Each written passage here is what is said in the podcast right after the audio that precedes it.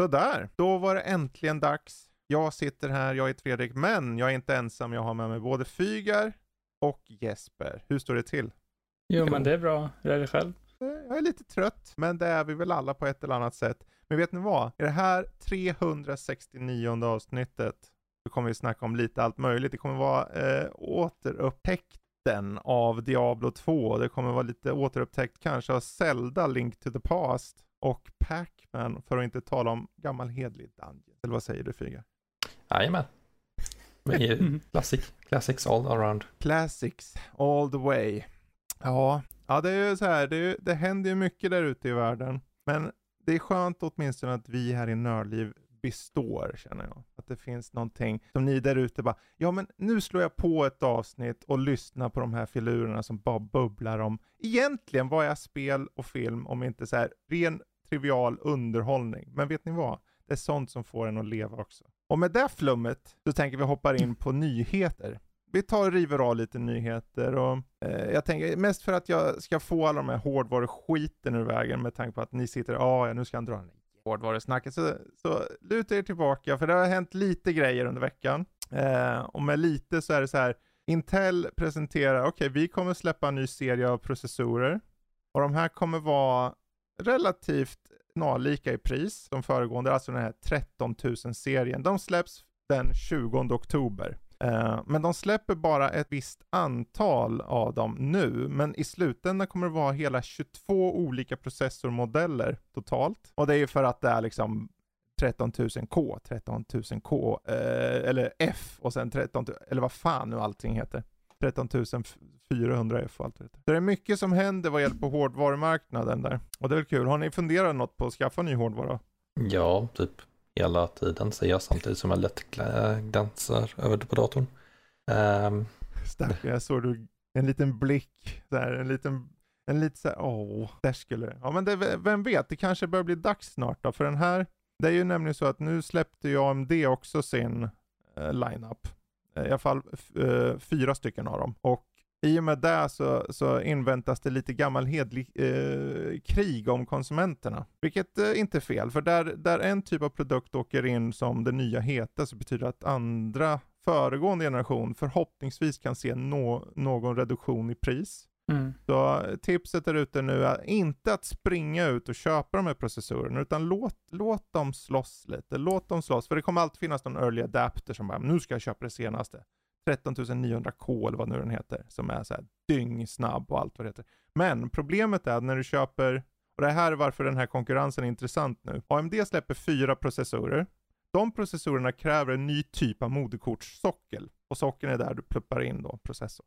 Förut har de haft en sockel som heter AM4 och den har då kunnat hållit ett gäng olika generationer. Det vill säga om du köpte eh, 1600X-processorn för fem år sedan så kunde du för två år sedan köpa en ny och ha samma moderkort och bara pluppa på.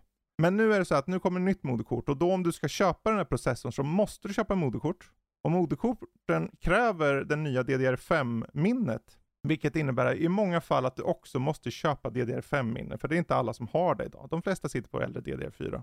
Så att det i kontrast mot Intel då, som istället tillåter föregående generation som heter eh, sockel LGA 1700. Det är mycket termer så häng med, häng med.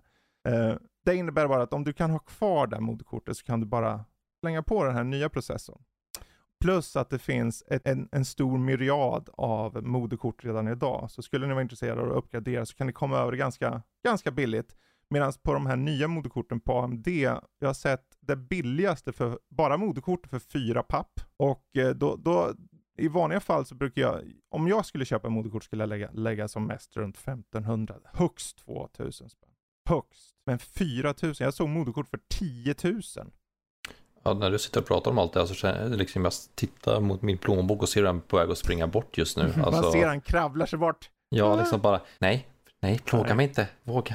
Men det är ju här som är då, eh, de har olika fördelar och nackdelar. Eh, Självklart är en ny plattform betyder på AMD då att du måste lägga mycket pengar.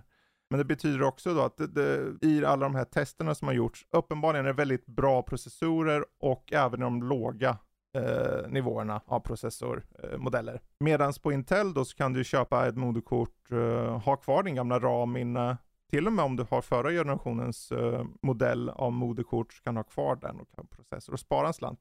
Men du kanske inte har samma feta prestanda som på de här AMD.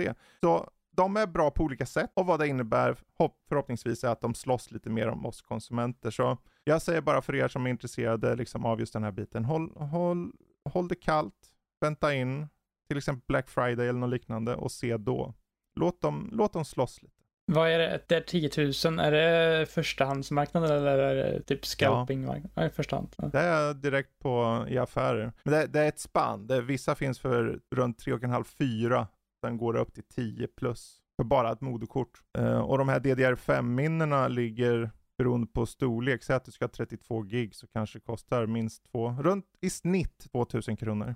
Så 2000 kronor plus just nu som lägst runt 4 plus processorn då, även om du tar den lägsta processorn så vad kan den kosta sig? 3-4 tusen. Bara de beståndsdelarna är nästan 10 papper. Så att det, det, är dyrt. Men vänta in en månad, det ska komma en, en, en lägre nivå av uh, moderkort hos AMD som förhoppningsvis är mycket lägre i pris. Men uh, is i magen är bra. Jag hoppar vidare uh, och jag tänker jag tar och eh, fortsätter med någon, de här eh, hiskeliga hårdvaran då för att få det ur vägen lite grann. Eh, Intel var ju också, eh, utöver då den här ehm, nya serien av processorer, så utannonserar de ett releasedatum för sitt grafikkort som heter A770. Och det är i sig rent så här prestandamässigt inte så imponerande, men det släpps den 12 oktober, som är samma datum som Nvidia släpper sin nya Ultra Dyra 4090 som kostar idag, det kommer kosta runt 22 000. Medans det här kortet, eh, dess listpris är 329 dollar. Det här A770. Och det ska vara i höjd med en, så ett kort som heter 3060 på Nvidias sida. Så det är, inte, det är absolut inte top-end, liksom high-end så. Men där de går ut med mycket att de vill få ut ordet kring grafikkort och säga det här är mycket, bang for your buck. Mm. Alltså 22 000, ja. det känns som att det, alltså, det är sjuka pengar ja. egentligen. Uh. Det är det, det är det. Men det är sådär, de, Nvidia, vi får se hur det går för dem. Jag hoppas ju någonstans att det inte säljs så mycket nu när vi, som vi har pratat om nu i flera veckor, hela marknaden är så översvämmad med grafikkort. Så att, eh, jag menar några av de absolut bästa AMD-grafikkorten som finns i den nuvarande generationen har jag sett för ett par tusenlappar. Jag var nästan såhär, åh den där skulle jag ha fan haft pengar Inte för vad fan jag ska ha det till men. Hur som haver, det här Intel A770, jag vet inte om det är något värt för er där ute att hålla utkik efter. Det är mest bara en kul grej att släppa samma datum då. Att de väljer den strategin och har det samma datum som Nvidias eh, släpp. Eh, men 329 dollar, ni får ju slänga på lite skatt och så. Så jag skulle tippa på runt 4 4 000 ungefär för det här kortet. Um, Vilken våg väger mest? 22 000 eller 4 000? Hmm. Ja. Ja, jag skulle kanske inte välja då Intels kort för att de, deras eh, programvara har fått smisk. Alltså det är så pass att det i vissa spel inte går att köra. Mm. Eh, men det finns ju liknande kort eh, i prestanda hos eh, andra konkurrenter. Men det kan vara kul att veta att de kommer slåss mot varandra där på det här datumet. Jag vet inte hur det kommer gå, men hur som haver. Inbördeskrig. Ja, vi hoppar vidare. Eh, och så dumpar vi hårdvaran för lite andra nyheter som jag har. Eh, jag har bara en, en trailer här för ett spel som heter EGI Origins. Och då tänker ju ni där ute onekligen, jaha, vad är, vad är det här för något trailer? Vad är grejen med det här? Det fanns ett spel som släpptes 2000 som heter Project IGI, I'm going in. Och det här var ett spel som som då var ett taktiskt stealth-spel. Och det här får nu en prequel 22 år senare. Eller ja, 23 beroende på om det kommer nästa år. Eh, det enda intressanta som jag tyckte var dels för att jag rent nostalgiskt såg det här och tänkte okej okay, av alla spel så ska ni göra en uppföljare typ på det spelet.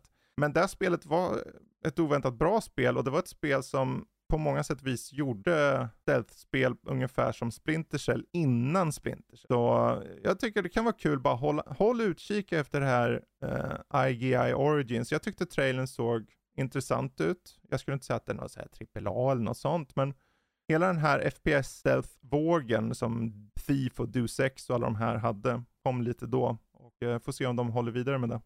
Tips där. Um, sen har jag Sackboy, A Big Adventure, kommer till PC.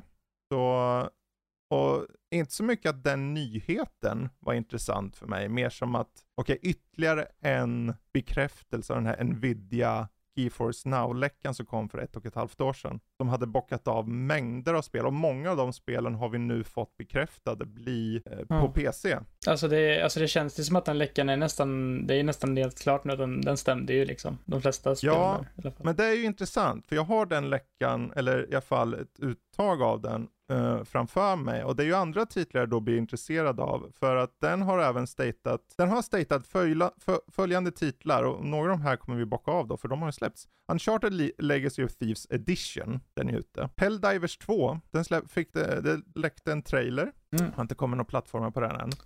Uh, God of War uppenbarligen, den trodde inte många på, men den kom. Returnal har precis släppts läckor på screenshots på. Um, Sackboy uppenbarligen och Uh, det är egentligen de main, även Spiderman och Miles Morales stod med. Kingdom Hearts 4 var väl en grej som var ganska stor också, att den skulle komma, att det ja, var tidigt. Ja, det står liksom. förvisso inte med det här, men det, det kanske står någon annanstans. Oavsett, de andra titlarna här är ju Horizon Forbidden West. Vilket den kommer ju komma till tisslats och tasslats om att den kommer nu första halvåret, vilket är bara ett år efter release. Demon Souls, Ratchet and Clank och uh, den som jag tror många väntar på, Ghost of Tsushima stod med i den läckan. Så jag, jag, jag, blev bara så här, ytterligare en bekräftelse när jag såg Sackboy bli bekräftat att det ska släppas nu den, vad 27 oktober släpps det. Uh, så tänker jag, men okej, okay. då kommer de här andra då, kanske snart då. Jag hoppas ju på att folk får spela Ghost of Tsushima, för det var jäkla bra. Det spelet skulle passa, alltså det är ju många, det är ju, har lite så här Assassin's Creed Mm. Witcher, mm. liksom det stuket. Det är många som spelar på PC som spelar eh, sådana spel också mycket liksom. Så jag tror att det, den Absolut. kommer passa väldigt bra på marknaden. Sackboy ja. är ju ett väldigt inkluderande spel också, så det kommer nog passa bra också. Verkligen, eh, verkligen. Det känns ju som att Playstation överlag, in, på de flesta stora titlarna nu ändå släpper de på PC efter ett, liksom att de håller det exklusivt på sina mm. plattformar först. Men sen så släpper de det på PC senare. För att det känns som att de Precis de vill ha lite mer, liksom, de vill ha lite mer bredd nu.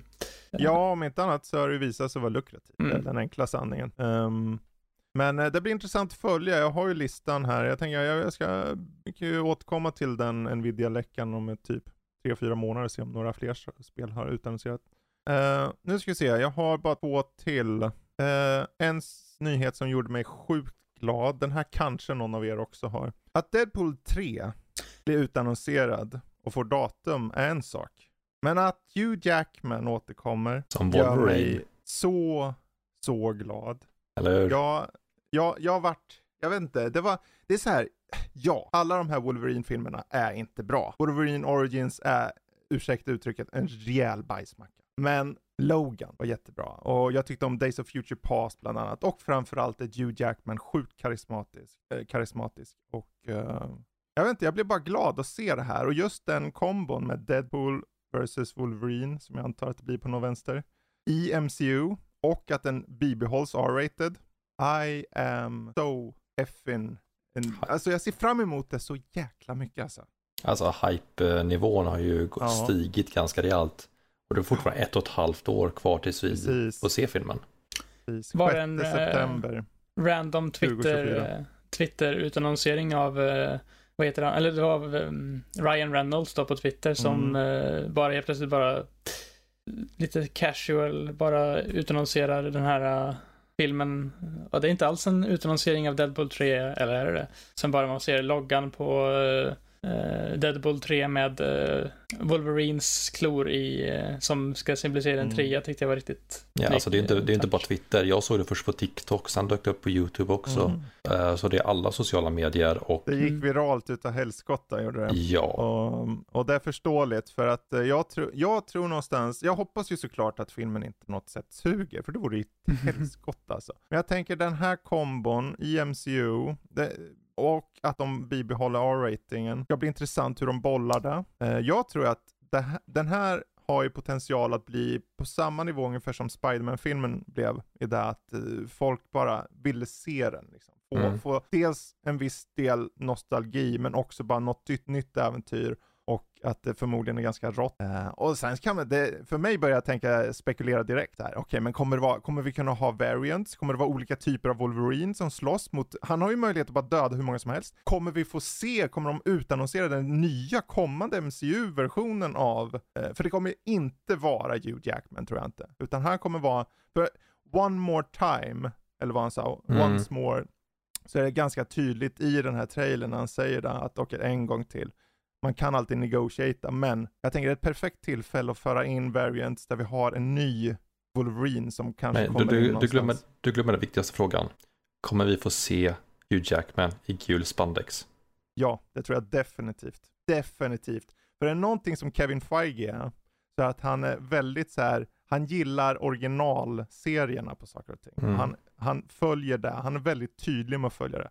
Jag skulle inte säga att jag tror att vi ser Hugh Jackman i, i den kostymen väldigt länge. Jag skulle tippa på en minut kanske. Mm. Bara riva av det, bara för att göra fansen glada. Men jag tror definitivt vi ser det.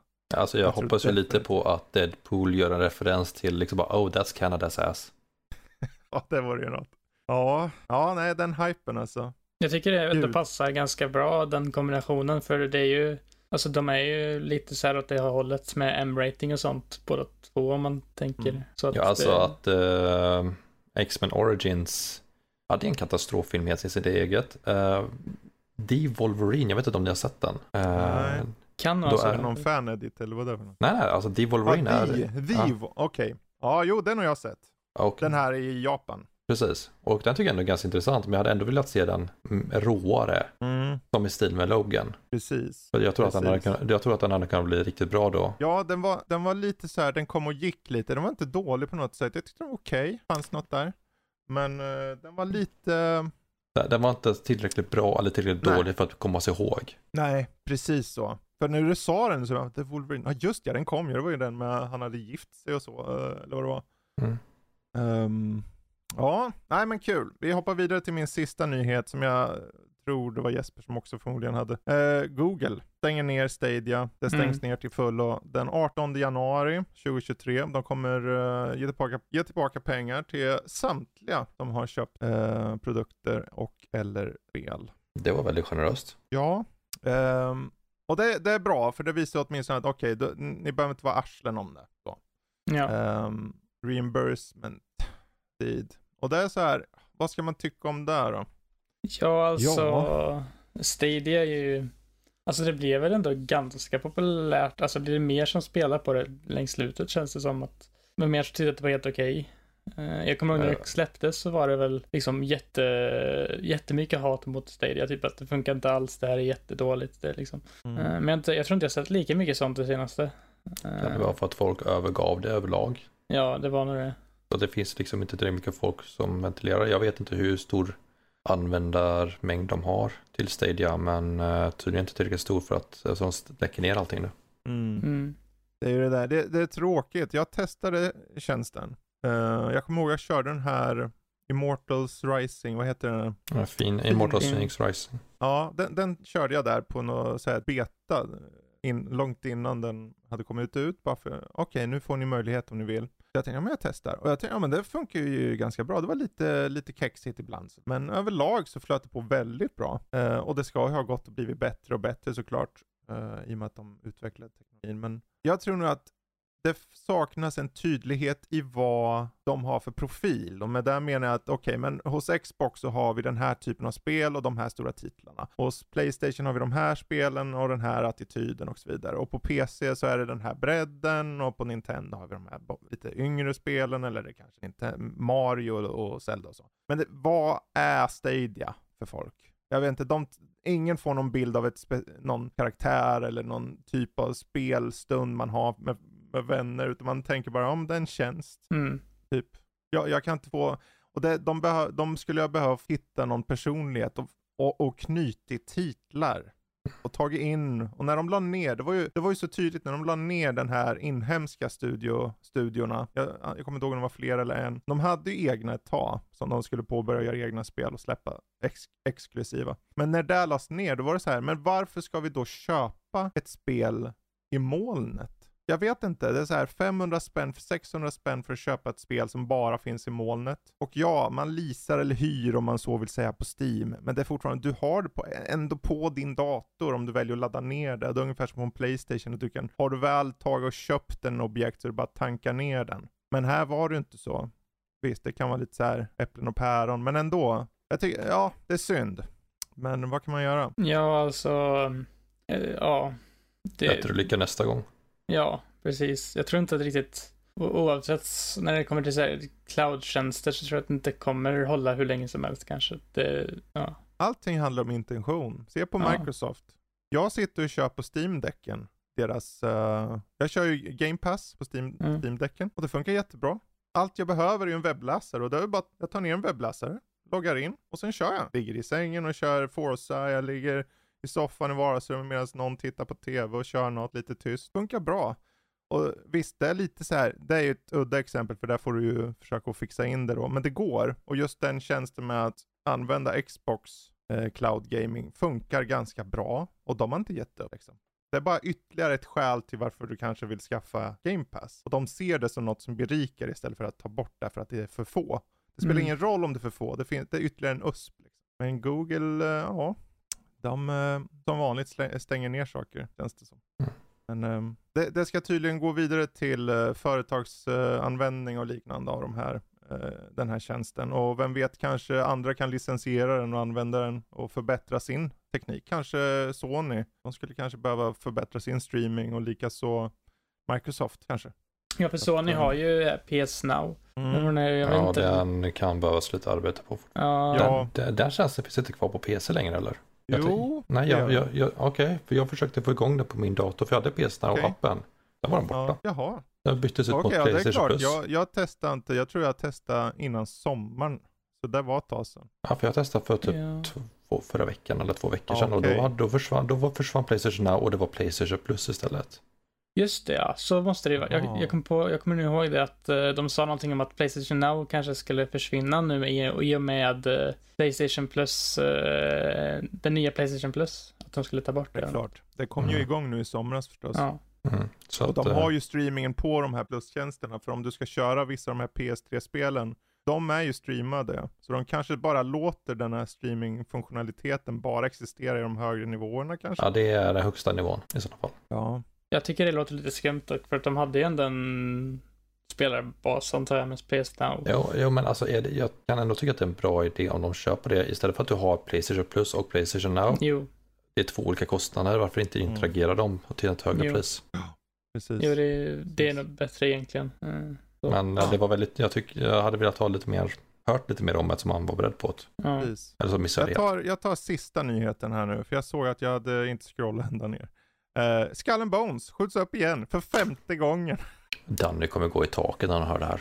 Nej, jag tror inte ja, han, han kommer göra det. det. Han ja. vet det. Uh, han är inte så hypad för det längre, har jag hört. Nej, det är han ju inte heller. Uh, det, det, släpps nu den 9 mars 2023. Och uh, ja, vad kan man säga? De, det här spelet har varit i utvecklingen indirekt sedan 2013. Så när det, och om det släpps nästa år. Så det är en tio års utvecklingsperiod. Ja, den har startats om mig veterligen. Uh, men ändå, tio år. Ja, alltså, alltså man förväntar sig ett riktigt ordentligt spel eller en ny Duke Nukem. Mm. Det här är, ja, det kan vi ta sen. Jag har info om spelet. Men uh, om ni påminner mig så kan ni få info om det. Uh, Bra, det, det, får bli min sista nyhet, ja, så jag, får någon annan ta ordet. Jag kan väl Rovans. säga lite om den nyheten, att jag tror att det är egentligen för deras försäljningssiffror så är det nog kanske bra att de skjuter upp det, för att de släpper i en period med ganska mycket annat. God of War släpps ju dagen innan, Sonic släpps dag, den dagen, mm. eh, Pokémon släpps typ någon vecka efter. Alltså det är väldigt tight spelperiod ändå att släppa det, så att att de släpper i mars när vi än, ännu inte vet så jättemycket om vad som kommer komma i mars tror jag kanske är bra för dem eh, tekniskt sett. Eh, ja. jag, jag, hade väl en nyhet här eh, ja. som var lite kopplad till Marvel. Eh, jag hade ju mm. med den här Deadpool och eh, Stadia, men de är ju tagna. Det var att det kommer en ny Marvel-serie i, eh, nu i oktober, tror jag, 7 oktober så kommer Werewolf by Night. som är Marvel. Ja, det är en tv-serie. Ja, det är en tv-serie. Nej, det är en tv-serie. Så det, det, är en tv-serie då baserad på en eh, gammal eh, ja, serie, eh, Mm. comic-serie liksom. Eh, och den är Marvels nästa serie. Jag vet inte så Den, den, jättemycket ser om in, den ser intressant ut. Ja, Ja, Den är ju väldigt campy med flit. ja. Jag har varit lite så här, ah, svartvitt, de kör så här gammal monster, universal monster look på det och Mm. okej. ja. Med flit lite B vill de att det ska se ut. Mm. Jo, alltså det är väl passar, det är lite kanske deras grej att de ska köra lite så här B-skräckig styrkt liksom. Men eh, jag tror att det kanske, de släpper väl det nu i oktober antar jag, för det är ju liksom det, den halloween Spooktober. Spooktober liksom. Så Precis. att det, det är väl ganska bra passning. Och nu när eh, She-Hulk snart är klar, är väl två Mm. avsnitt kvar om jag minns rätt, så ehm, passar det väl bra att introducera en ny serie. Ja, all del. Det var väl Det- lite kort om den. Ja, det Yes. var bra att du sa det, för jag kom faktiskt på en annan Marvel-nyhet som jag läste Mm. om häromdagen. Mm. Uh, Marvel-serien, eller MCU-serien Armor Wars kommer istället bli film. Mm. Mm. De har bestämt sig för att ta en annan väg med det. Eh, vad det innebär har jag ingen aning om. Eh, men det ska bli intressant att se vad som händer. Just ja. Don Cheadle där, Mm. annat. Ja, intressant. Men eh, då så, då har vi gått igenom nyheterna för veckan. Ja, jag har eh, två nyheter ja, till du det. hade, ja, förlåt. Ja, förlåt. jag, bara, jag bara inflikar lite snabbt. Yes. Eh, det är båda två rollspelsnyheter. Uh, för det första så har vi en ny version av Dungeons and Dragons är under utveckling. De går, vi har haft Dungeons and Dragons 5th edition sedan 2014. Eh, nu kommer en ny edition fast som, det heter inte Distance längre. Utan det är One D&D Som de ständigt kommer uppdatera istället. Okej. Eh, det Mm. finns playtest-material som har dök, det här utannonserades i augusti. Ja. Eh, så det är lite gammal nyhet visserligen, men ändå. Det står, eh, de nya böckerna, det kommer nya, nya böcker 2024. Vi håller på och eh, det får material för playtesting nu. Det har dykt upp två olika hittills. Och de kommer fortsätta låta oss eh, playtesta det här eh, fram tills böckerna släpps. Mm. Det har varit en del kontroverser kring det här för att vi har inte, det är förändringar. Folk hatar förändringar oavsett vad det är för sorts. Det är som vanligt. Då. Ja, Mm. eh, men eh, det ska bli intressant att se vart det bär an helt enkelt. Ja, absolut. Är det några Eh. jättestora förändringar liksom som eh, är jättestor liksom game changing? Eh, Ja. Eh, critical hits till exempel. Eh, de som spelat eh, rollspel, typ Drakar och Demoner och Dungeons Dragons vet ju om att man slår en 20-sidig tärning. I Dungeons Dragons, om du får en 20 så får du en critical hit. Det är liksom, du gör ett extra bra slag, du gör mer extra skada och sådana saker. Eh, I den One D&D som dök upp, då kan, en, då kan inte spellcasters kritta längre. Magier kan inte kritta, utan det är bara fysiska attacker. Mm. Det har varit mycket kontrovers kring det. Eh, och även att den som är spelledare kan inte längre kritta med sina monster. Vilket jag personligen tycker är bra för det innebär att jag inte riskerar att döda min grupp första sessionen. Just det, jag hörde någonting mer om det. Det var någonting om att eh, typ så här eh, från några som jag känner då, som spelar mycket, att det var någon ändring på när crits när det kommer till, det var typ så här, typ så här man skulle övertala någon till exempel om att typ Ja, Mm. och det var typ så här negotiation skills och sånt. Att sådana saker kan inte krittas heller eh, längre. Eh, ja, ja, jo, om du gör en 20 så får, om du får en 20 så lyckas du automatiskt. Ja. Rullar du en etta så failar du totalt. Eh, det var i förra playtest-materialet. Aha. Nu har de retconat det till det här playtest-materialet som släpptes nu i, det, den 29 i torsdags. Kom det nytt material. Och då, kan, då är det inte så längre. Utan de testar lite, de testar sig fram och ser vad spelarna vill ha. Eh, Mm. Så att Det är eh, bra. det kommer bli väldigt intressant att se vart det här bär an. Ja, det låter ju Eh. bra ifall de eh, vet du, tar kritik och liksom hör på de som spelar mycket. Och... Ja, Ja. om man tar det på rätt kanal. Det hjälper inte att du gör en 14 000, sid, eh, 14 000 ords essä på Reddit om att du inte tycker om de här förändringarna. Mm. Du måste skicka in deras survey. Det är den de läser och kollar över. För Mm. att eh, det kom, finns massvis med kommentarer på YouTube, Twitter, Reddit, TikTok, allting. Och Men jag tänker när sånt här släpps, eller när den väl kommer, går det inte att köra de gamla versionerna? jo, det här kommer Ja, vara... va, va är, varför beklagar sig folk? Det är ju bara att köra de gamla. Ja, det är... Va? Det här dessutom är One D&D bakåtkompatibelt med 5th edition. Hur fungerar Vad menar du med bakåtkoppling? Eh, jag vet inte riktigt vad det innebär, men att de äventyren och sånt som finns Ah. i 5th edition går att köra i nya Okej. versionen. Så att eh, liksom jag som köper på mig böcker allt eftersom kommer inte behöva skaffa nya hela tiden. Ja, jag tänker bara spontant, hela poängen med att göra en ny version är väl att förändra. Annars hade Mm. vi bara samma version. Ja, Så jag kan Ja. förstå om man optimerar, okej du får lite mer slag här eller du får lite mer XP eller vad, vad det nu må vara. Men det roliga är väl att få lite förändring, att röra om i grytan. Få, Jag, jag, tror, få... jag tror att de är lite rädda för det just nu dock. Eh, för att eh, de hade th- eh, 3.5 edition var väldigt populärt. De Mhm. hade 3, 3.5. Sen kom 4th edition, den totaltanka. Det, var inte, det är väldigt få som tycker om den. 5th edition är deras populäraste edition någonsin. Jag tror att de är rädda för att släppa den och göra någonting helt nytt. Eller liksom att utveckla på ett annat sätt. Utan de vill behålla spelarbasen.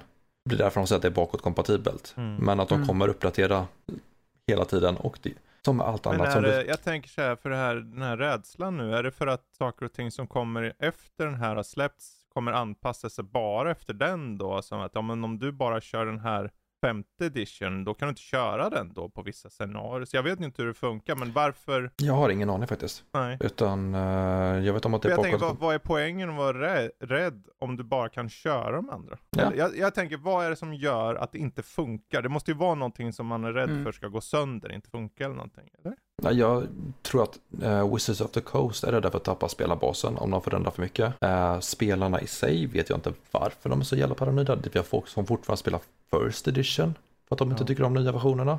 Så att man spelar Ja, liksom, eh, och det här, det har blivit en del kontrovers kring det här.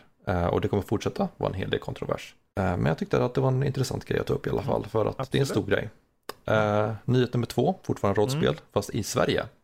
Ja. Eh, Joel tog upp det när han var med sist, att eh, Drakar Demoner har ju en Kickstarter. Mm. Eh, de begärde 100 000 svenska kronor för att gå igenom det här. Kickstarten lyckades på fyra, fyra minuter. De fick i slutet ihop 7 820 000 och 52 kronor. Jag tror den blir av. Det, Ja. ja. Eh, jag, jag kan säga så här, jag backade den eh, och jag kommer få så förbaskat mycket böcker. För att de har ju slängt in nya stretch goals med nya äventyr och hela tiden. Ja. Ända, fra, ända fram till sista dagen och då var det uppe i 7,25 miljoner. Och det är liksom, nej men fuck it, vi, det är klart, vi, det, vi tar det. Så Mm. att eh, det, kommer, det här släpps nästa år. Mm. Så jag har ett stort paket att hämta på posten augusti nästa år. Ja, härligt. Ja, Har vi något att se fram emot? ja. Kul. definitivt. För Det, det är ju en gammal, eh, liksom, många som växte upp med rollspel i Sverige växte upp med Drakar och Demoner antar jag. mm. Eh, Så då är det väl ganska förståeligt att folk vill ha tillbaka det, liksom le- uppleva nostalgin. Ja, och en, en annan intressant grej är att det här släpps nu för första gången på engelska. Så vi har Drakar Demoner och det är Dragon Pain på engelska. Så att eh, det blir mer internationellt nu och Sverige är ju väldigt populära som rollspelsland. För vi har släppt Mm. ganska mycket. Är det Fria Ligan som släpper detta? eller? Vem annars liksom? Ja, precis. Jag vet inte. Ja, ah, kul där. Då har vi saker att se fram emot. Eh, och saker att se fram emot får mig osökt att tänka på månadens spelsläpp. Så att jag tänker vi river av den lite snabbt. Några av guldkornen, potentiellt ett då. Vem vet, de kanske suger. Men några av de spel som släpps eh, under oktober månad som kan vara värda värd att hålla utkik efter är exempelvis har vi Overwatch redan nu den fjärde. Eh, Overwatch 2 då, släpps i Early Access. Free to play. Um, så det, det är ju en anrik, ja, det ser ju mer ut som en, en fortsättning eller till och med en omstöpning av originalet. Så att jag tror, eh, kul för de som ser fram emot och framförallt spelar väldigt mycket Overwatch. Hoppas i alla fall. Det kan också vara tvärtom, att det är de som skriker mest, det vet jag inte.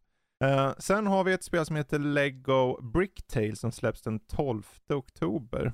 Uh, den finns som demo just nu och det här är ju en slags äventyrsspel där du faktiskt själv bygger ihop eh, dina saker för att komma vidare i spelet. Jag testade demot, eh, kan ni lyssna på i förra veckans avsnitt. Um, vi har även Scorn för alla som gillar skräck. Det är ju HR Geigers, eh, HR, HR Geiger-inspirerat skräckspel som släpps den 14 oktober. Eh, kommer också rakt ut på Game Pass. Så man har det där. Precis som eh, ett par dagar senare, den 18 så släpps ju A Plague Tale Requiem som jag vet att många också ser fram emot. Eh, det är ju, alltså nu är jag bara halvvägs genom månaden. Det, det, det är en ganska så, visst vi sköt ju på eh, jag vet inte om det, var det i oktober som Skull and Bones skulle släppas eller var det i november? Jag tror det var typ 8 november eller något. Ja, det just det, i... åttonde där ja, det var ju samtidigt som, nästan samtidigt. Um, Mario plus Rabbit Sparks of Hope den 20 oktober. Uh, den här XCOM liknande Mario uh, upplägget ser ut att ha fräschats till ändå. Jag tycker det ser mm. uh, lite piffigt ut faktiskt. Jag har hört um, några som har uh, testat det här spelet och har varit väldigt positiva till det de har testat. Så mm. kommer nog vara Precis. rätt bra. Um, sen har vi den 21 oktober, Gotham Knights. Jag kan väl säga att jag var ganska sval först. Men jag såg en trailer här bara för en vecka sedan, eller ett par dagar sedan eller det var, där de släppte ny. Och, och då gick de in mer på storyn. Och jag hade inte ens tänkt på det, men det ser ut att ha en ganska tydlig, en tydlig, ett tydligt narrativ så att säga. Och att du utan problem kan köra själv. Jag trodde ju först att det var att du kan köra själv, men att du egentligen ska köra co-op. För det är four player co-op, vilket du kan.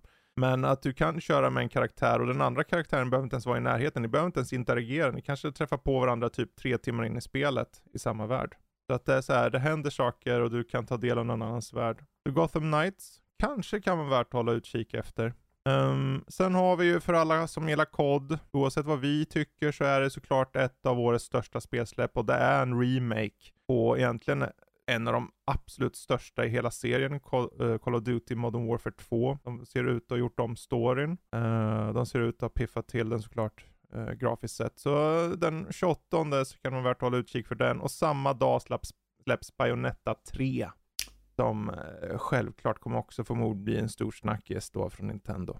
Vad heter det, har varit nu, det är utannonserad, tror jag typ 2017 eller 2018 på Game Awards. Sen var det helt tyst tills förra året mm. och nu äntligen släpps det efter den här långa tystnaden. Eh, ja. Det kommer säkert liksom, Bayonetta har ju nu blivit en Nintendo-serie sen Bayonetta 2 egentligen kom till Wii U så uh, det ska bli intressant ja. att se hur de, det verkar vara mer fokus på så här stora monsterstrider lite grann uh, och sånt. Jag är så här lite i valet och kvalet över, över det spelet så här, för jag har sett det, ja men så här, jag hade ju gärna haft det på en annan konsol. Inte för att jag tror att det kommer vara dåligt på switchen, det är mest bara för att det ser ut att vara så mycket som händer. Så mycket som händer. Jag tänkte, det där skulle jag nog vilja haft lite bättre prestanda. Men jag är så här, ja, kanske ska skaffa det i alla fall. För det, jag, jag har varit intresserad av att hoppa på det. Jag körde första, men det var ett tag Jag skulle nog inte säga att det skulle vara något jättestort bekymmer för att ha det här på Switch. För att de gjorde ett annat spel som heter Astral Chain på mm. switchen och det flöt på ganska bra eh, för det den hade. Det var också ganska mycket som hände på skärmen och mm. eh, ganska imponerande grafiskt också på switch. Så att jag tror att Platinum vet hur man hanterar Det är väl det som är nyckelordet där. För att vara på switch. Det är väl ja. bara det här, för att låta något få tillräckligt mycket luft så, så växer och blir större. Jag tänker då, då skulle det kanske ha varit si och så på en Xbox eller en PS5 eller whatever. Men jag tror precis som med Xenoblade Chronicles som vi pratade om en annan gång. Är det något de klarar av som du själv är inne på nu, är ju att verkligen utnyttja systemet till max. Så jag, jag håller med dig, de kommer säkert få till det. Samma, jag kan ju uh. nämna att de kommer släppa en uh, Near Automata uh, port till Switch nu i 6 oktober, då nästa vecka. Mm, mm. Jag har sett lite previews på det här och det verkar extremt imponerande faktiskt för att vara Switch. Uh, det rullar på stabilt och det ser inte helt pjåkigt ut heller. Så att det kan ju finnas ganska liksom sådana spel på Switch som funkar bra. Har du skaffat eller? Eh, ja, tror nog det. Men, ja. Eh, ja. ja, just det. Ja, finns det något mer här i månaden som ni känner det här är nog en uh, potentiell pärla? Ja, Persona 5 efter. släpps ju på, Persona 5 Royal släpps ju på eh, samtliga plattformar nu utöver PS4 eh, den 21 oktober. Eh, Okej. Okay. Och eh, speciellt på då, om vi pratar om Switch, för att det är ju en väldigt stor, varit en väldigt stor efterfrågad titel att släppa det på Switch. Speciellt mm. när Joker kom i Super Smash Bros Ultimate för några år sedan så eh, känns det lite så här, han finns här på Switch i en gästkaraktär men han är inte, han har inget eget spel på Switch. Men nu har ju de ändå uh, fått det till Switch och det kommer även dag ett på Game Pass för de som är intresserade. Mm. En väldigt matig uh, eh, JRPG-äventyr som kan ta dig upp mot typ 120 timmar om du gör allt. Uh, men ja. Ja, mycket kött på de benen. Ja, har, uh, Fyger, har du något som du tror det här kanske blir något? Eller har vi nämnt dem redan? Nej, vi har redan nämnt dem. Mm. Jag skulle säga för min egen del är det nog bara ett spel som jag kan tänka mig är potentiellt okej, okay, eller kanske bra. Och tro eller ej så är det här Ghostbusters Spirits Unleashed. Egentligen bara för att det är Ilphonic som gör det och de gjorde ju Predator-spelet som var väldigt välbalanserat och väldigt kul. Så eh, ytterligare ett eh, uh, four player co-op-spel som förhoppningsvis utnyttjar just själva gameplayet på ett vettigt sätt kan bli bra. Ja, jag hoppas inte att de går in i fällan som till exempel Telltales gjorde att de kör samma grej om och om igen. Uh, att liksom, okej okay, vi körde på det här sättet med Predator, vi kanske kan kopiera över det till Ghostbusters utan att de faktiskt mm. varierar ja, efter uh, spel. Precis. Ja men Ilphonic har ju gjort uh, lite spel innan och så, så de har ju på något sätt plogat lite för, för att få lite variation och lite förändring i spel till spel sådär. Så att uh, de gjorde ju också fredag den 13 spelet, det kan man ju säga si och så. Men Predator-spelet var en tydlig, okej, okay, förbättring liksom. Och de hade tagit lite andra vinklar och utnyttjat just hur Predatorn har sin egen grej medan marinsoldaten har sin egen grej. Plus att man kunde köra som marinsoldat bara för att, okej okay, vi ska bara klara av målet istället för att skita i den här Predatorn. Så vi får, ja vi får se. Vi får Vilket se. Det kan också vara, det är den, nu ska vi se. Den släpps nämligen den 18 oktober, så samma dag som har Plague Tale Requiem där. Som sagt, det, det är mycket som släpps den här månaden. Väldigt mycket faktiskt jämfört med, det har varit ganska så lugnt nu tycker jag ändå de här senaste månaderna. Det har inte varit mm. ganska, liksom, magert med saker ändå tycker jag. Oh, ja. att uh, vara ett år liksom. Det känns som att det varit lite så här syrsornas uh, tid, det måste jag säga. Men, det, är ju eh, ett, det är ju ett år som består av alla dessa uppskjutningar. Ja, alltså inte uppskjutningar konstigt. av release date. Och jag vet inte, just det här med hur, hur, hur många gånger kan man skjuta på ett spel innan det blir inaktuellt och irrelevant? De flesta skulle säga, men det spelar väl ingen roll, bättre att göra det så bra det går. Och det är sant, men någonstans finns det ett fönster där det handlar om relevans och intresse. För jag, som med, med Skull and Bones, om det hade släppts då 2019, 2020 som det sades ursprungligen, så hade det varit annan typ av intresse då. Sen har det svalnat och blivit något annat och folk har bara skitit i det. Och jag, jag, jag tänker så här, man ska nog inte skjuta på saker för länge. Nu har det en liten sidorant här, men jag tror det kan bero helt på vad det är för typ av spel och vad det är för spel egentligen. Mm. Jag tror att det, om det är ett nytt IP som det kommer till typ såhär Skull and Bones. Jag tror att det var många som in, antog att Skull and Bones skulle vara något helt annat än det egentligen var. Jag tror att folk må, må, mycket trodde att det var ett typ renodlat single player eh, piratspel. Typ man åker runt mm. och skjuter folk. Lite som Assassin's Creed Black Flag fast Precis. bara liksom Black, alltså båtdelen. Men nu är det ju ett helt annat spel med typ såhär multiplayer-fokus och grejer. Jag tror att det kanske mm. att folk redan har kört väldigt mycket Seed of Thieves till exempel som är väldigt liknande upplägg vad jag kan se. Så... Du kan fråga mig sen om du vill veta ja. hur det är. Yes. Um, bra, men vet ni vad? Vi tar och faktiskt hoppar in på vad vi har spelat, vad vi har sett. Uh, och uh, jag tänker, vi, vi hade ju Fygersnack om lite uh, Dungeons Så varför inte fortsätta? Du har ja. det med här. Vad är det du vill ta upp? Mer exakt. Uh, ja, uh, jag är Nu ska vi gå igenom allt. Ja, okej, okay, nu har vi uh, Jag har spelat en kampanj i ett år och ni ska få reda på varje detalj som väntar. Nej, jag skojar. Uh, jag tycker Seven bara days later. Ja, jag tycker, jag tycker bara det är kul att prata om det ibland. Uh, för att, uh, ja men absolut. Mm. Uh, jag spel, jag, det är inte ofta jag får spela Dungeons Dragons, utan jag får spelleda många gånger att jag är den mm. som leder äventyret. Men nu får jag faktiskt vara med och spela i en kampanj som jag spelare. Och eh, jag har en Halfling Barbar som är nästan lika dum som en sten. Mm. Uh, för de som inte, vi kör uh, att man slår fram sina stats. Det innebär att man slår fyra stycken sexsidiga tärningar, tar bort det lägsta värdet och adderar resten. Mitt lä så det lägsta man kan få är 3, det högsta man kan få är 18. Min barbar har 5 intelligens.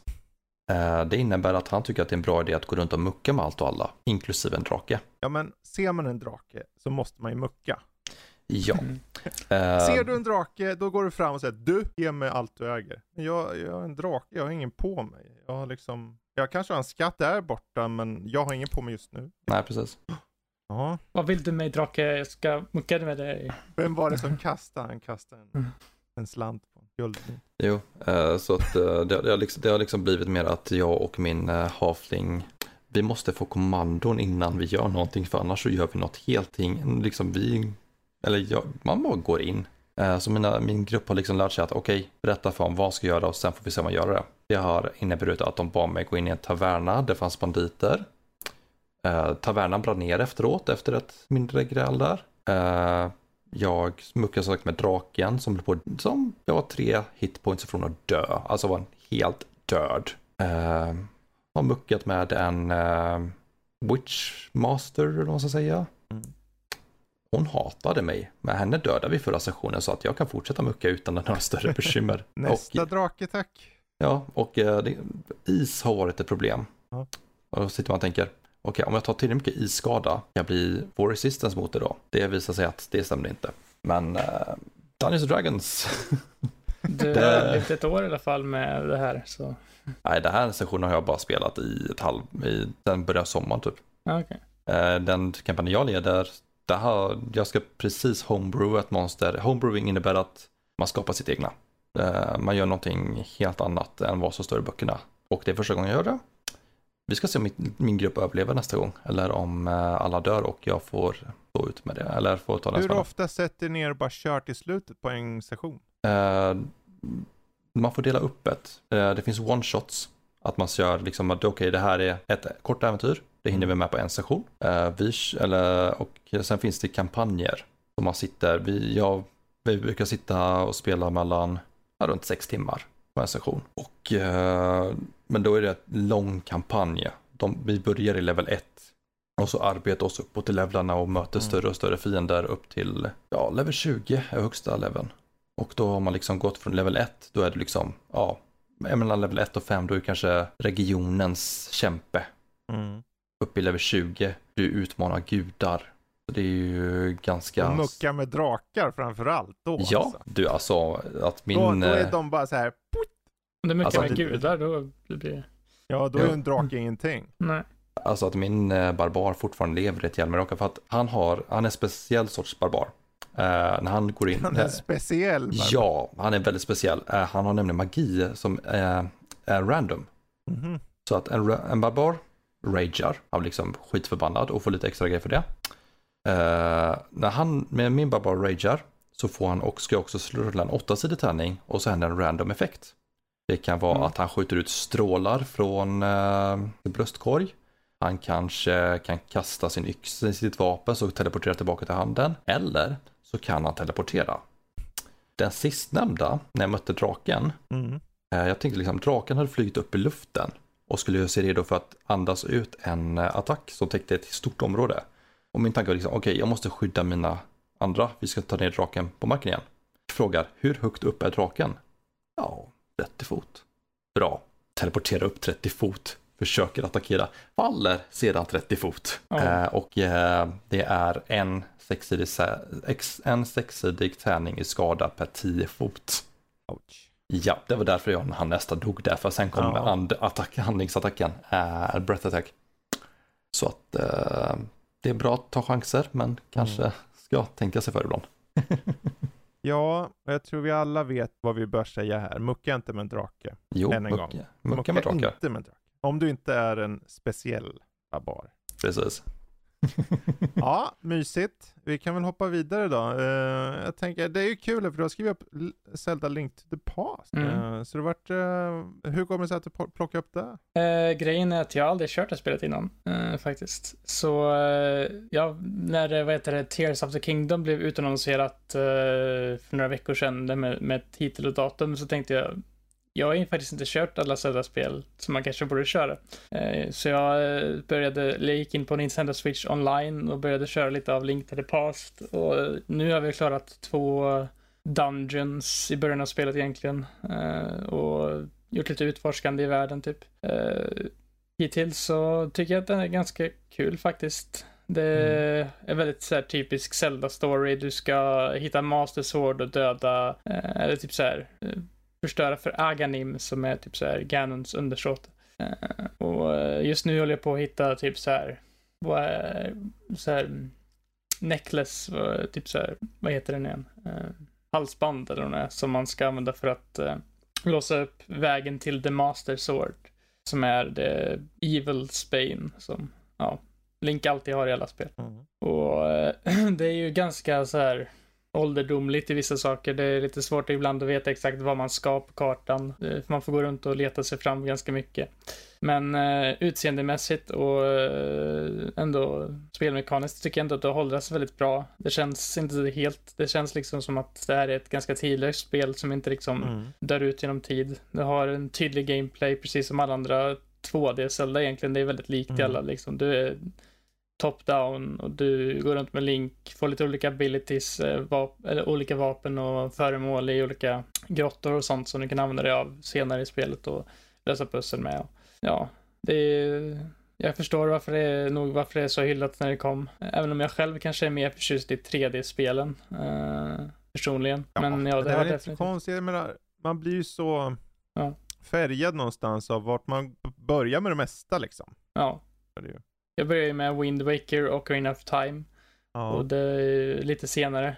Eh, Men eh, ja, precis. det är ett Zelda-spel och det liksom det första spelet i serien som verkligen etablerade den formulan som serien hade fram till egentligen Breath of the Wild skakade om hela grejen. Mm. Eh, Men det har ju de här tydliga dungeons, liksom du ska gå i och hitta items och sånt och Mm.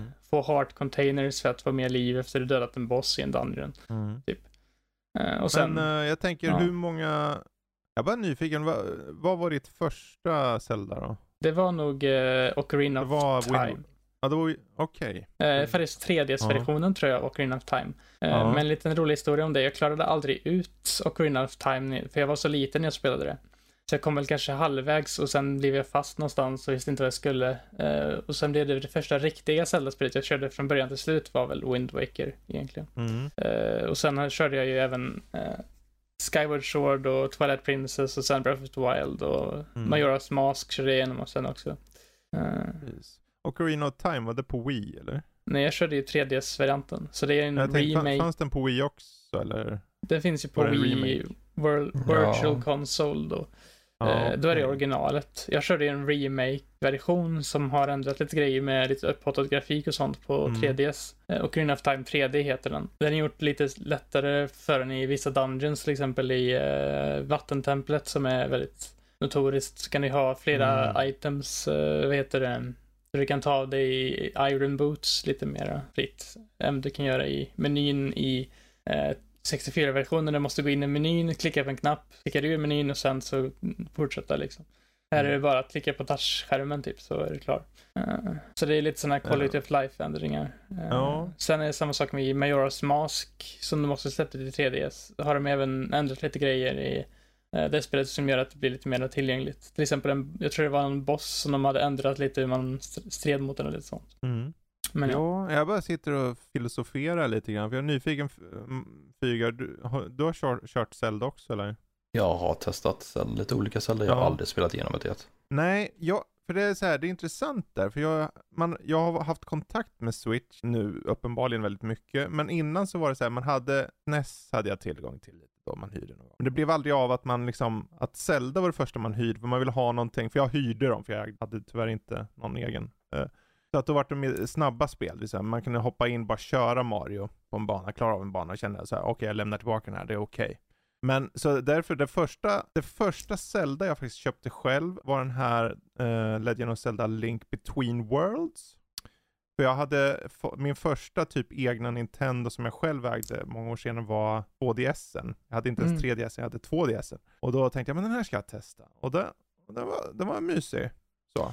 Det är om det här med att gå i nämna. väggar och sånt. Och, Värt att nämna där att Link to the Between Worlds är egentligen Link to the Past eh, spiritual successor, eller man ska Mm. säga. Väldigt mycket liknar eh, Link to the Past egentligen. Du har ju två dimensioner, Lower Rule och High Rule. Eh, det är som Dark World och. Light World i Link to the jag Past. tänkte precis komma till det, för att när jag köpte det, tänkte jag men det här var mysigt. Så att jag gick in till den här Virtual Console, vad det var som fanns, och skaffade också originalet, det här eh, som du har kört nu. Och jag tänkte redan då att ah, det här är ju inte alls lika. Jag tycker nog som dig där faktiskt, för att jag, jag körde ju också Link Between Worlds på 3DSen eh, och det tyckte jag väldigt mycket om. Eh, Mm. Jag tycker att det känns som att Link to the Past är liten diet version, eller man ska säga, av uh, Link Between Worlds. Det har ju väldigt mycket som det har, men det saknar väldigt mycket också som gör att Link Between Worlds blir roligare att mm. spela. Till exempel med väggmekaniken som gör att ja, det känns uh, som att Ja, eh, och sen det är det så här, jag är ingen expert. Jag, jag går bara på min magkänsla. Så jag tycker nog att uh,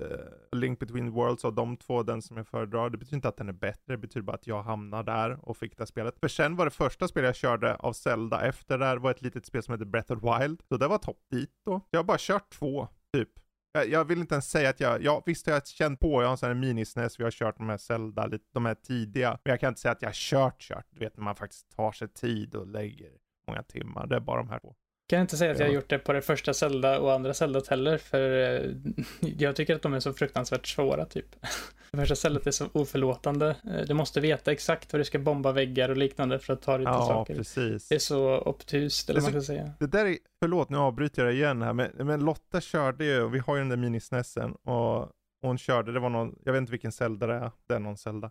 Och hon sa, ja, då gör man så här, och så går man hit, och sen går du här, och så gör så, och sen så, okej. Okay. Ja, nu då? Ja, men nu, nu är jag snart klar med spelet typ här. Jag vet exakt vad jag ska göra. Jag behöver... Det är det som är grejen med det. genvägar och allting. Det är det som är grejen med det första Zelda-spelet, eh, om det är det. Eh, för att det är väldigt det är, inte, det är inte alls långt det spelet, för de hade ju liksom limiterat med mm. hur mycket man kan göra på ett spel. För det är ju NES liksom 8-bitars. Eh, men eh, det, det, är ju liksom, det svåra är ju att veta vad det är man ska göra egentligen, men när man vet exakt vad man ska göra så tar det kanske en timme max liksom. Eh, för mm. det, är, det är så pass lite egentligen i spelet som är om man vet ja, så, är det de, så är det med de flesta grejerna, liksom vet vad du ska göra så går det väldigt precis, fort. Precis. Första gången jag skulle göra pannkakor, det tog mig en evighet. ja. Ja, vad som, om vi går vidare då. Eh, vad som kanske inte heller är pannkaka utan faktiskt visar sig vara bra, för jag hoppar tillbaka till eh, Diablo 2 Resurrected. Inte för att det var dåligt första gången jag körde, jag menar det är Diablo 2 rakt av, för det är Diablo 2. Eh, men det är ju så här, jag, jag, jag, behövde något, för jag har inte hunnit spela något på länge och kände, för jag körde klart Control häromveckan. veckan. Jag manglade rakt igenom Control.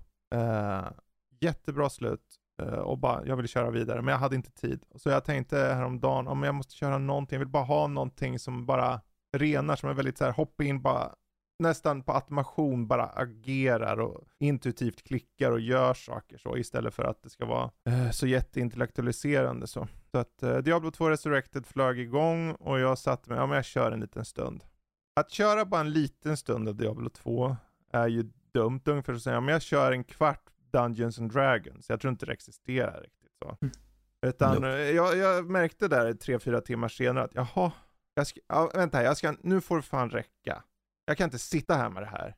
Eller ja, jag ser förstås om jag får en till sån här diamant plus att jag kan snart gå upp en nivå. Så jag tar det först. Så körde jag två. Men sen slutar jag, typ. Och det är bara, någonstans är det den typ. här tydliga gameplay-loopen som finns i den här tillfredsställelsen att hela tiden märka att du får en progression som är så tillfredsställande och så Uh, inte unik, men relativt unik i det här med att banorna alltid görs om och det liksom har den här slumpmässiga miljön och så. Även om de håller samma typ av miljö. Gör att det hela tiden känns relativt fräscht. Sen är det så här, jag körde ju Diablo 2 till döddagar. Jag har säkert, jag törs inte tänka på timmarna. Diablo 2 när det kom, när det kom 2000 år 2000 så började jag köra och sen slutade jag runt 2011. Så att det är många timmar där. Så att, eh, att plocka upp det. Jag märkte dock när jag hade kört de här att jag kände mig ganska mätt ändå. Så jag kan, ja men det här är ett bra spel att plocka upp när som helst. Och jag tänker att är det så att man har eh, Battlenet och så, och ni, för jag tror det har lite reor på det här då och då. Det är ett säkert kort och någonstans är det skönt att ha den typen av spel. Det kan vara ett spel som är lite ASMR-igt, ni vet så här som Power Wars Simulator exempelvis, man bara hoppar in, man bara sprutar runt och gör rent en grej. Är lite där, tänker på detaljen, allt du gör, fokusera på det. Kanske till, ha någon podd på eller lyssna på något eller ni vet sådär. Uh, och jag tror Diablo 2 för mig just nu var lite där, det var lite cleansing. Så jag kan rekommendera att hålla utkik efter det. Och det är väldigt buggfritt också, i alla fall var det för mig. Tips. Eh, vad som kanske har buggar eller inte buggar är ju Disney Dreamlight Valley. För det är väl Early Access va? Yes, och det har buggar. Det, det har, har, det ja, har ett antal det hade varit konstigt annars i Early Access. Ja, men eh, jag har inte stött på några allvarliga. Det har varit så här mest irriterande. Uh, det mest irriterande var när jag skulle följa med Scrooge McDuck för att prata med Ursula från uh, Mer Little Mermaid. Lilla sjöjungfrun ja. Ja, precis. Uh, och så hände någonting och Scrooge bara gick därifrån. Liksom bara, bara Scrooge, Scrooge is out. Liksom, men ni måste prata så jag blir färdig med mitt quest. Get your... Nu är det så här att farbror Joakim gör vad farbror Joakim vill göra. Jag vet, jag vet. Mm. är det bra då? skit i det här. Är det kul? Uh, det är riktigt bra tycker jag faktiskt. Ja, det har potential i det här. Ja. Det Men vad gör man då? Uh, I Disney Dreamlight Valley, okej okay, vi kör en snabb story mm. Uh, man återvänder till sitt barndomshem, man slumrar till, man vaknar och är på en helt annan plats. Det växer törnbuskar och det finns helt plötsligt till en trollkarl i blåa kläder, en stor blå pointy hat, långt vitt skägg. Så han liksom bara, jag vill in i det här huset. Okej, okay, vem är du? Jag vet inte, men jag ska in i det här huset.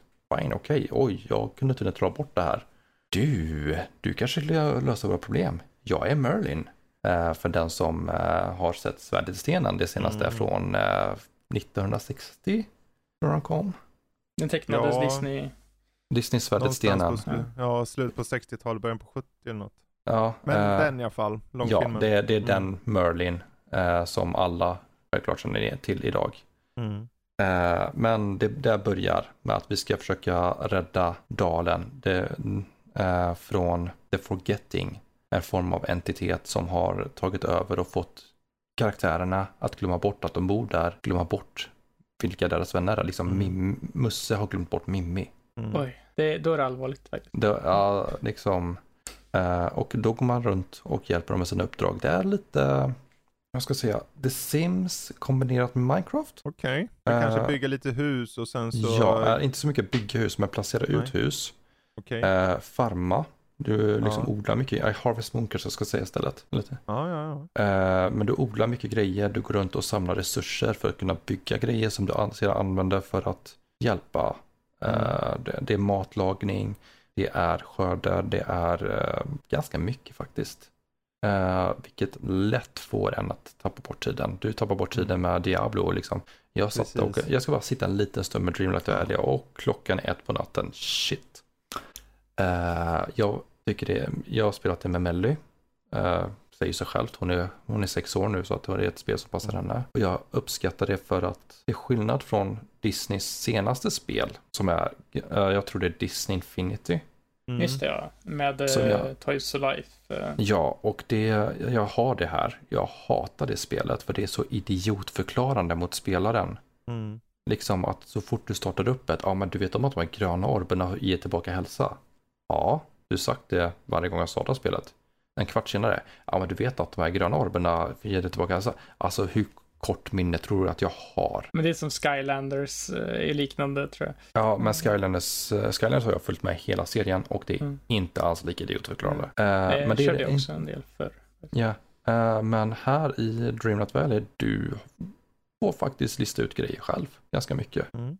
Uh, Okej, okay. um, Mimmi vill ha en tomat, visst. Hur får tag på en tomat? har du hittat tomater förut? så kanske du kan kolla upp i en lista. Okej, okay, du kan få tag på tomater härifrån. Uh, Okej, okay, gå dit för att köpa tomater. Det finns inga tomater, det finns bara frön. Okej, okay, då köper jag frön för att gå och odla tomater. Och så är det realtidsodling. Eller det är realtid. Så att uh, det tar tid att odla grejer. Det är inte verklig realtid. Alltså jag tänker en tomat på, okej, okay, tre, fyra veckor, ett halvår. Nej, nej, nej, nej. Utan vi snackar uh, in-game tid som kanske en dag eller? Uh, uh, tid, tiden i spelet går efter vår klocka. Uh. Så att en pumpa tar fyra timmar att odla. Okay. Det är som ett uh. mobilspel, klassiskt typ. Ja. Funkar. Uh, mm. Vilket jag tycker är lite irriterande. Ja, för det känns jag... ju väldigt mobil. Ja, jag ja, tänkte det. Uh, för till exempel pumpor. Då. Jag som ofta spelar på eftermiddagskvällar. Ja, och så ska jag sätta, hålla på och odla för att, mm. med, man, för att uh, man kan ge gåvor till de andra karaktärerna. Mm. för att förbättra sin vänskap. Mm. Och på så sätt låser upp quest för storyn. Mm. Det är ganska viktigt att kunna göra det. Och varje dag, och då menar vi liksom, igår hade de, eh, igår hade karaktärerna vissa saker de ville få för att man ger lite extra vänskapspoäng. Idag är det helt andra grejer. Imorgon är det helt andra grejer. Och som att om jag satte mig för sent igår för att odla pumpor och de är klara idag, eller när jag vaknar upp idag, då är liksom, de är bortkastade. Jag, det är ingenting jag kan använda dem på. Just det. Det är väl lite så i Animal Crossing också, att saker går i realtid. Mm. Jag har inte kört det där Animal Crossing så att jag... Ja, ja, men det är många det. som jämför just uh, Dreamlight Valley, Disney Dreamlight Valley med Animal Crossing vad jag har hört. Uh, från Ja, det kanske är en bättre jämförelse som vi har babblade om förut. Det är ju mer eller Mm. mindre en genre, den här typen av Ja. spel liksom. Mm. Men att den har en story alltså, man följer lite mer Ja, liksom. det, det är en riktigt bra story. Eh, det fanns en twist jag förväntade mig. Jag, liksom, jag tänkte att det måste vara något så här. eh, och sen liksom var det det. Man bara, oh shit, jag hade rätt. Okej, shit. Eh, vi måste lösa det här. Men det låter ju som det. är intressant för mig. För jag tyckte det typ så här. Jag, jag förstår inte riktigt. Själv, eh, själv är jag inte så jätteinne i liksom Animal Crossing och sånt. För jag tycker att det finns så lite mål. Eh, man måste hitta på sin egna liksom mål hela tiden och det känns som att jag vet inte riktigt vad jag ska göra när jag spelar egentligen ibland. Att jag bara går runt och inte riktigt vet. Får jag, får jag vara jätteelak nu? Mm. Eh, det här eh, Animal Crossing är ett glorifierat idle game. Ja, det var också Det jag förstått. Så att det är så här, det är ju, det, det behöver ju inte ha tids, Mm, nej. de här tidsangivelserna. Det är bara för att den vill ge en atmosfär av, men du, du, nu kan du gå och fiska tre timmar. Som att det är kul att fiska i tre timmar. Mm. Du åker och hälsar på någon då, hjälp någon, fine. Det finns saker, jag har sett värre typer av spel. Men jag tänker i det här sammanhanget, på det här spelet, det, det verkar, jag vet inte om fyra timmar, det låter inte så farligt. Ja, det, är det, det är det längsta som tar något att odla. Ja, Eh, sen om du ska samla in grejer, då kanske du däremot behöver eh, springa runt ett antal gånger för att hitta rätt mm. allting. Om du ska hitta vissa, eh, vissa ädelstenar växer på vissa platser och då måste du liksom slå sönder alla stenar och hoppas att det spanar där. Annars får du Mm. köra en vända till. Men de respawnar inom fem minuter. Mm. okej. Eh, så att jag tycker, jag bara ville bara påpeka att liksom, det tar tid och om man sitter Ja. för sent med det så. Precis. Men- jag gillar verkligen att du har karaktärer från alla tidsåldrar. Vi har Merlin, Mm. vi har Ursula, vi har Ariel, vi har Mor Gothel från Trassel, alltså eh, hon som är hon där mamman där. Mm. Vi, Mm. har, Rem, vi har Remy och från eh, Ratatouille, Mm. Wall-E och såklart Musse, Mimmi, Långben, Kalle och dem. Och från Frost också. Nästa uppdatering kommer ganska snart. Då får vi Scar från Lejonkungen. Sen kommer Toy Story, är bekräftat, ska dyka upp under hösten också. Eller nu. Eh, jag gillar att det är som variation på Mm. vilka, vilka karaktärer som dyker upp. Eh, så det, Men är det så där att uh, bara om man köper grundspel då får man alla de här, det är som fria updates då? Finns på Game Pass också om jag minns japp, jag kör på Mm. Game Pass just nu och eh, tycker definitivt att man ska kolla in det om Mm. man eh, vill ha ett litet idol-spel. Eh, Precis. Fast det verkar inte som att det finns eh, uppdrag och mål lite mer i det här jämfört med lite andra av de här. eh, Som till exempel Animal Crossing, att det finns, man jobbar mot ett storyuppdrag till exempel. Istället för att Ja. bara liksom göra saker. Ja, precis. För det är ju lite tafatt sådär i Ja. Animal Crossing. Som att de säger ju saker och det finns ju indirekt uppdrag. Så om det inte, du får göra lite din egen berättelse. Här är det ju kul att höra att det faktiskt finns någon typ av berättande. Och det skulle ju vara konstigt annars med tanke på att det är Disney tycker jag. Så det, det är jättekul. jag, tycker det, jag tycker det är kul också att alla karaktärer har sina egna individuella stories. Mm. Eh, Alla karaktärer jag precis har rabblat upp har varsin egen questline. Vissa questlines är in, liksom interagerar med varandra. Mm. Mm. Andra är liksom helt separata. Eh, Men för att kunna komma åt dem så måste du liksom vara tillräckligt bra vän med dem. Mm. Vilket jag tycker låter ganska vettigt egentligen. Mm. Eh, Joakim vill ha hjälp att hitta en skatt. Makes sense. Eh, Merlin vill att du ska bli en så bra trollkarl som möjligt. Eller magiker som möjligt. Mm. Också helt vettigt. Eh, så det är intressant. Helt klart och jag tycker det är kul. En sista grej vi påpeka också. Eh, Mm. Det finns inga kön på vår karaktär, på karaktären man spelar som. Mm. Utan man får välja kroppsform. Mm. Eh, och sen så får man sätta på den precis vad man vill.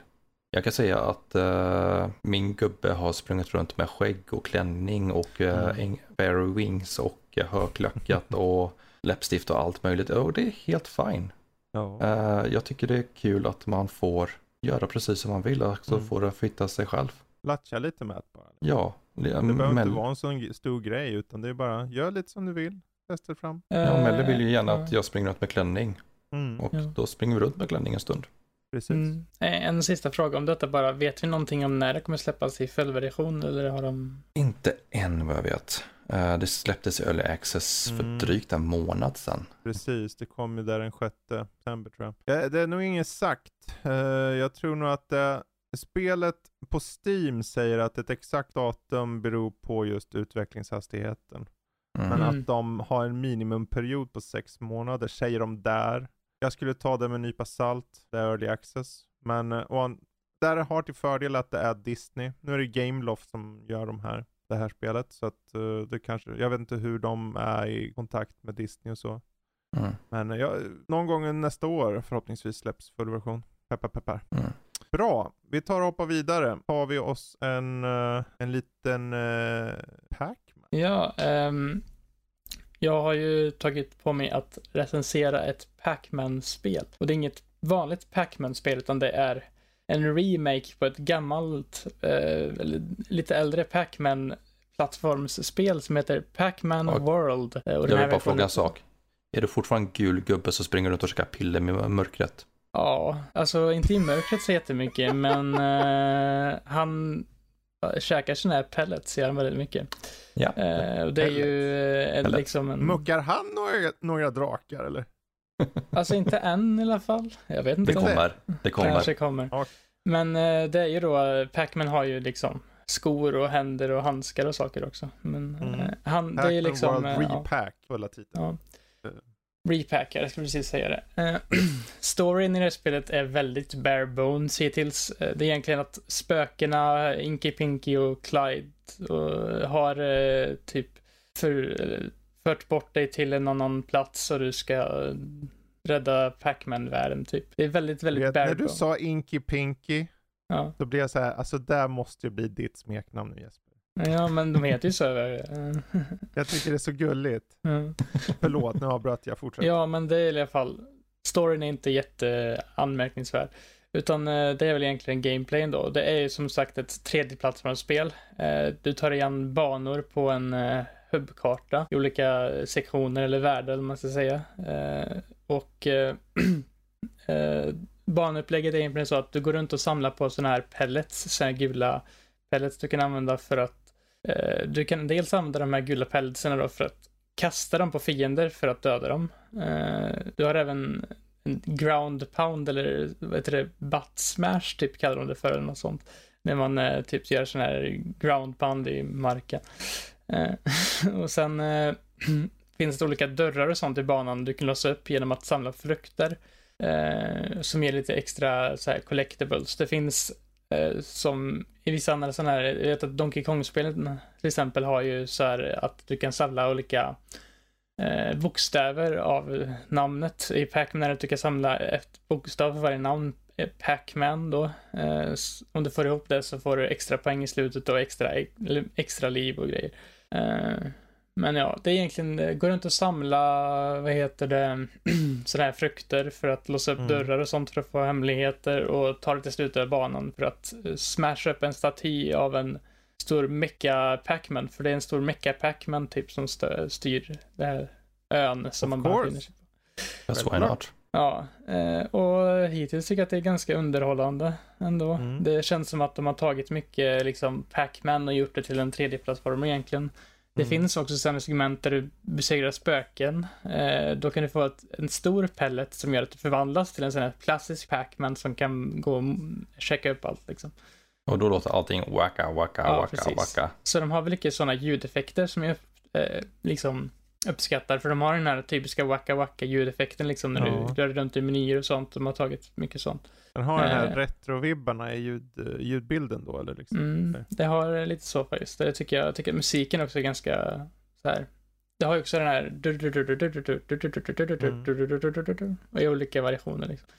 Eh, sen det enda som jag stör mig på hittills, det är väl kanske mer en sak för mig och det är att eh, perspektivet i den här 3D-plattformen, så är det det är lite så här, det är ju sidoskrollande 3D-plattformar, så du rör dig från ena liksom, sidan, liksom Mm. längs en räls, liksom, om man ska säga. Eh, det är att perspektivet blir väldigt så här vagt. Man ser inte exakt vilken, i vilket perspektiv man står, liksom, i, i vilket djup man står på banan. Ibland Mm. så har jag typ råkat falla ner i avgrunden och tappat ett liv på grund av att jag inte har sett att det Ah, finns ett okej. hål i marken där.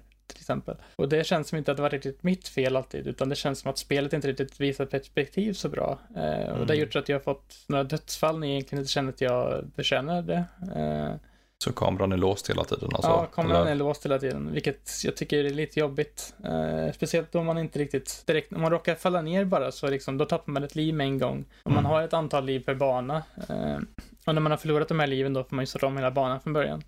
Eh, det, händer, det har inte hänt så jättemånga gånger än, för jag har fått ganska generöst med liv, men det är ändå ganska surt att det känns ibland som att när jag dör så är inte det mitt fel. Eh, för eh, alltså döda fiender och sånt är inte jättesvårt. Det är egentligen att oftast att du bara kastar en pellet på en fiende, typ så dör den. Och sen finns det lite bossar också. Det, det har varit någon man ska typ så här, man, man har en ability där man kan typ så här springa lite som Sonic typ. Eh, då man, ställer man sig på plattor och avfyrar kanonkulor mot bossar typ. Eh, det är typ det som har varit hittills i alla fall. Jag har kört två världar, jag vet inte exakt hur många världar det finns i det här spelet än, men eh, de är inte så jätteavancerade. Det är mest det här med att perspektivet sabbar lite ibland för en, vilket kan vara lite surt. Jag hade föredragit om man hade kunnat styra lite själv på kameravinkeln. Kanske se lite så att man kan kolla lite noggrannare på hur banan, ser- banan ser ut Mm. än att bara det finns ett fast perspektiv. Liksom. Precis. Men eh, överlag, om du gillar Pac-Man eller gillar 3D-plattformare och liksom vill att se någon, ha lite unik 3D-plattformare helt enkelt så Mm. eh, värt att checka in tror jag, av det jag kört hittills då. Precis. Det kan ju vara, i och med att det här är en remake eller en remaster, så kanske det är just att originalspelet då, när nu det släpptes, om det var mitten av 90-tal eller 2000 eller whatever, kanske var just den där låsta kameravinklarna. För det känns Mm. igen lite. Det är lite så här som med Crash Bandicoot som har sina fasta vinklar också. 1999 kom det spelet ut, så det, Ja, var ju, okej. det var ju den tiden där med eh, Precis. de gamla plattformsspelen egentligen, så det är Mm. inte så Ja, de, de jättekonstigt det är kände sig ju fram redan då lite. De kände sig fram lite i plattformsgenren. Men ja, okej. Är Kul ändå att som- att ja. du ändå har en relativt eh, positiv uh, Jag skulle säga, det är ungefär samma tid som Klonoa, som jag också recenserade mm. i, i år. Och det spelet hade ju också lite det problemet för mig att inte riktigt kunde se Mm. alltid hur kameravinkeln är, för det är också så här 3D-sidoskrollande lite grann. Eh, vilket kanske var hett, det var väl hett på den tiden liksom att man skulle ha det här. Eh, ja. Och då kanske man inte hade lärt sig. Men ja, det är någonting att man, eh, att veta i alla fall att det kanske inte är den bästa kameran eh, i spelet. Precis. Ja, ja men bra där. Pac-Man World Repack. Eh, jag tänker vi ska ta en till och jag vill se vem av er som är sugen för jag ser att ni har lite olika grejer. Overlord, Andor, The Legend of Vox Machina. um, jag tänker, är det något som ni själva känner att den andra har som om det där skulle jag vilja höra om eller något ni själva känner starkt för att det här bara måste vi ta upp. Jag har ju för Fabian muckat med en drake och Jesper har fått ett ny, nytt namn som heter Inky Pinky. Här ska vi, nu ska vi, nu ska vi ta upp något. Vad ska vi ta Ja, upp? alltså, alltså typ för i Legend of Vox-mackorna muckar de med drakar och vampyrer så Jaha ja. Ah. Ja, vad säger du Jesper? Vad Ja, du? eftersom att vi pratar om Dungeons and Dragons kanske jag kan prata om det här med Overlord, eh, den se- anime-serien som jag har sett lite från och till, eh, och sett klart den nu. För att det är egentligen inspirerat av en snubbe tror jag som eh, spelat i Dungeons and Dragons med ett gäng väldigt lång tid och sen eh, fick de sluta och han började skriva den här, eh, eh, vad heter det, light novel roman-serien som den är baserad på då. jag tror, handlar- jag tror jag läst mangan på den. Men Ja. den var- Och den är, Ja, men okej, men då kör vi på den. det vad, handlar vad då är om- Overlord? handlar då om en eh, person som spelar ett MMO eh, och han eh, han är en så här lich king, typ så här en eh, lich som styr över en guild egentligen.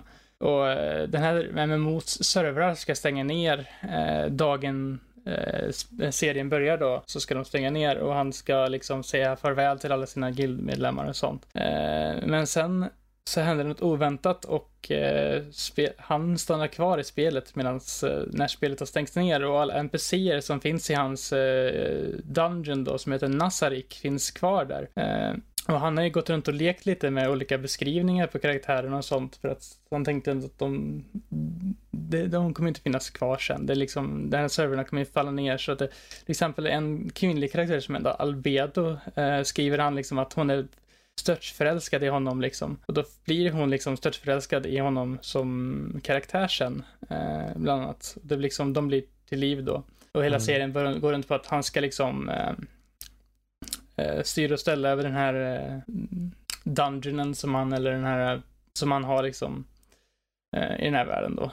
Eh, och mm. Eh, nu har den senaste säsongen, säsong 4, precis avslutats här i veckan. Och eh, jag tycker att den är ganska intressant. I alla fall, jag tycker den var lite seg i början. det är väldigt mycket liksom bara olika relationer med olika platser i världen med karaktärer som man lär känna och lite sånt. Men nu finns lite mer intriger och det händer lite onödiga twistar mot slutet med en viss karaktär, även om jag kanske kunde sett det hända i typ säsong två redan. Var ändå kul att se det mm. bekräftat.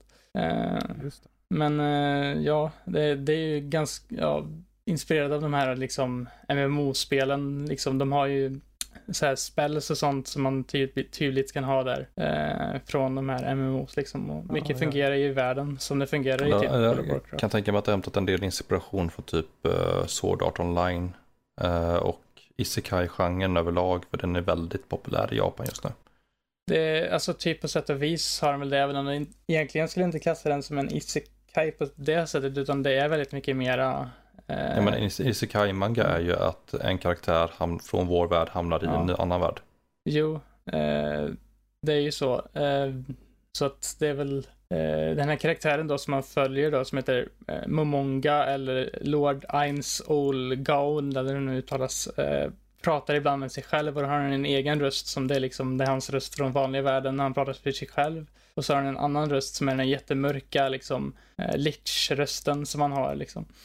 Men mm. eh, för jag har förstått så är eh, light noveln väldigt mycket mer mörk när det kommer till liksom mer blod och mera splatter och sånt. Och det ska även komma en film jag har hört, som utspelar sig mellan två avsnitt i den här sista, senaste säsongen då, innan de fortsätter på nästa, som visar ett väldigt mörkt och blodigt event, eh, som är mycket masslakt och grejer. Och det vill de mm. göra en film av istället för att det kanske... Jag tror, jag tror mangan också är eh, ja. mörk till och från. Ja. Den är ju ganska, alltså det, det som hände i slutet då eh, var väldigt mörkt, om man säger så. Så den börjar ta mer mörk riktning nu, men jag, har hört att det är många som säger att den animen kanske tagit lite mindre av det mörka i sig än vad eh, romanserien och mangan kanske gjorde. Ja, men det, det, är inte ovanligt heller utan många gånger så går de inte riktigt all out uh, i animes. Dels för att det är ganska svårt att animera vissa mm. saker. Alltså Berserk-animen mm. är fortfarande inte lika blodig som mangan. Om det, ta ett, ja. Eller Helsing. Ja. ja, precis. Det blir Men, väl så. Eh, mm. Vart ser du den här? Är det på Crunchyroll? Ja, precis. Den finns där eh, på Crunchyroll. Mm. Eh, och eh, ja, nu har ju då eh, sista säsongen precis avslutats, men det kommer ju komma mer senare också. Och det är inte så jätte, det är liksom 13 säsonger per, eller 13 avsnitt per säsong. Och det är då fyra säsonger hittills, så det blir väl 52 eh, avsnitt blir det va? Mm. Nej, 62 avsnitt blir det. Det var tänker jag fel. Ja. Nej, 6, 52. Ja, någonstans där. Någonstans, många avsnitt Ja, det är en del avsnitt i alla fall. Men det är, ja. inte, det är inte liksom uh, One Piece. Inte många. One Piece. Nej, Nej. Nej, just det. Ja, men Overlord då. Där ser vi. Uh, Crunchyroll för er som känner att ni vill ha lite av det här som beskrevs.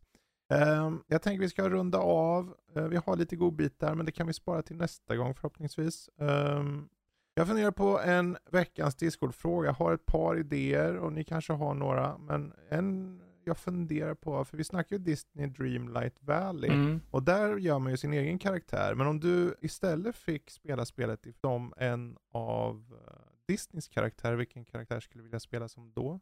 Det är ett förslag. Um, vi pratar ju om Pac-Man, uh, Repack. Man skulle kunna ha en fråga angående kanske uh, klassiska spel, alltså den här riktigt gamla genren. Typ mm. Pong reimagining. Ja, hur ja. bra kan det vara? Vilket spel vill ni se? Det är två förslag. Har ni några idéer? Uh, ja, en. Ska du mucka med drake? Vadå, ja eller nej-fråga eller? Ja. ja. Kan vara en extra bonusfråga då. Så. den, den skulle kunna vara som en bonus. Uh, faktiskt. Annars, annars, tror jag, annars tycker jag om det är Disney Dreamlight. Mm. Om vilken karaktär vill du spela som? Ja, Ja men vi kör på den och sen slänger vi med också, vill du mucka med en drake, ja eller nej? Ja. Ja eller nej, eller kanske beror på hur stor den är. Ja. Äh, och, och, ett, och ett sista. Nej, jag förför den. Jag förför den istället. Eller, jag vet inte, jag är en speciell barbar. Eh, Nåja, det får bli en fråga och den frågan hittar ni på vår Discord-server vilken ni lätt når genom att hoppa in på nördliv.se och på höger sida finns det en ruta där eh, står det Discord, trycker man connect kommer man rakt in på servern och vips kan ni ta och skriva i våra speldiskussionskanaler eh, och ni kan framförallt gå in på omröstningar och rösta på den här Discord-frågan. Ni kommer ha ett gäng alternativ, kanske några fåniga, kanske några seriösa. Det um, bra, och är det dessutom så att ni mot förmodan känner, ja men jag vill ju också höra vad ni tycker om vissa saker. Är det en fundering jag har eller en fråga rakt av? Så finns det en kanal som heter Q&A för podden. Bara skriv en fråga där i. Eller en fundering som sagt, eller wha- whatever. Så tar vi upp den i podden. Um, easy peasy melon squeezy, som man brukar säga. Eller vad säger du Inky Pinky? Precis, Inky Pinky säger jag. Ja, förlåt. Ja, det, det var lite sött faktiskt. Det var lite sött. Men eh, vi ska sluta mucka med er, precis som vi slutar mucka med de här drakarna, så tar vi och rundar av. Är det något mer ni vill ha av oss, finns på sociala medier, at nordliv.se, på Twitter, Facebook och framförallt Instagram. Och eh, vill ni mejla oss, info at nordlivpodcast.se. Så där, då passar jag på att tacka Fygar, jag tackar Jesper och jag tackar för mig. Och så säger vi alla hej då. Hej då. Hallå då.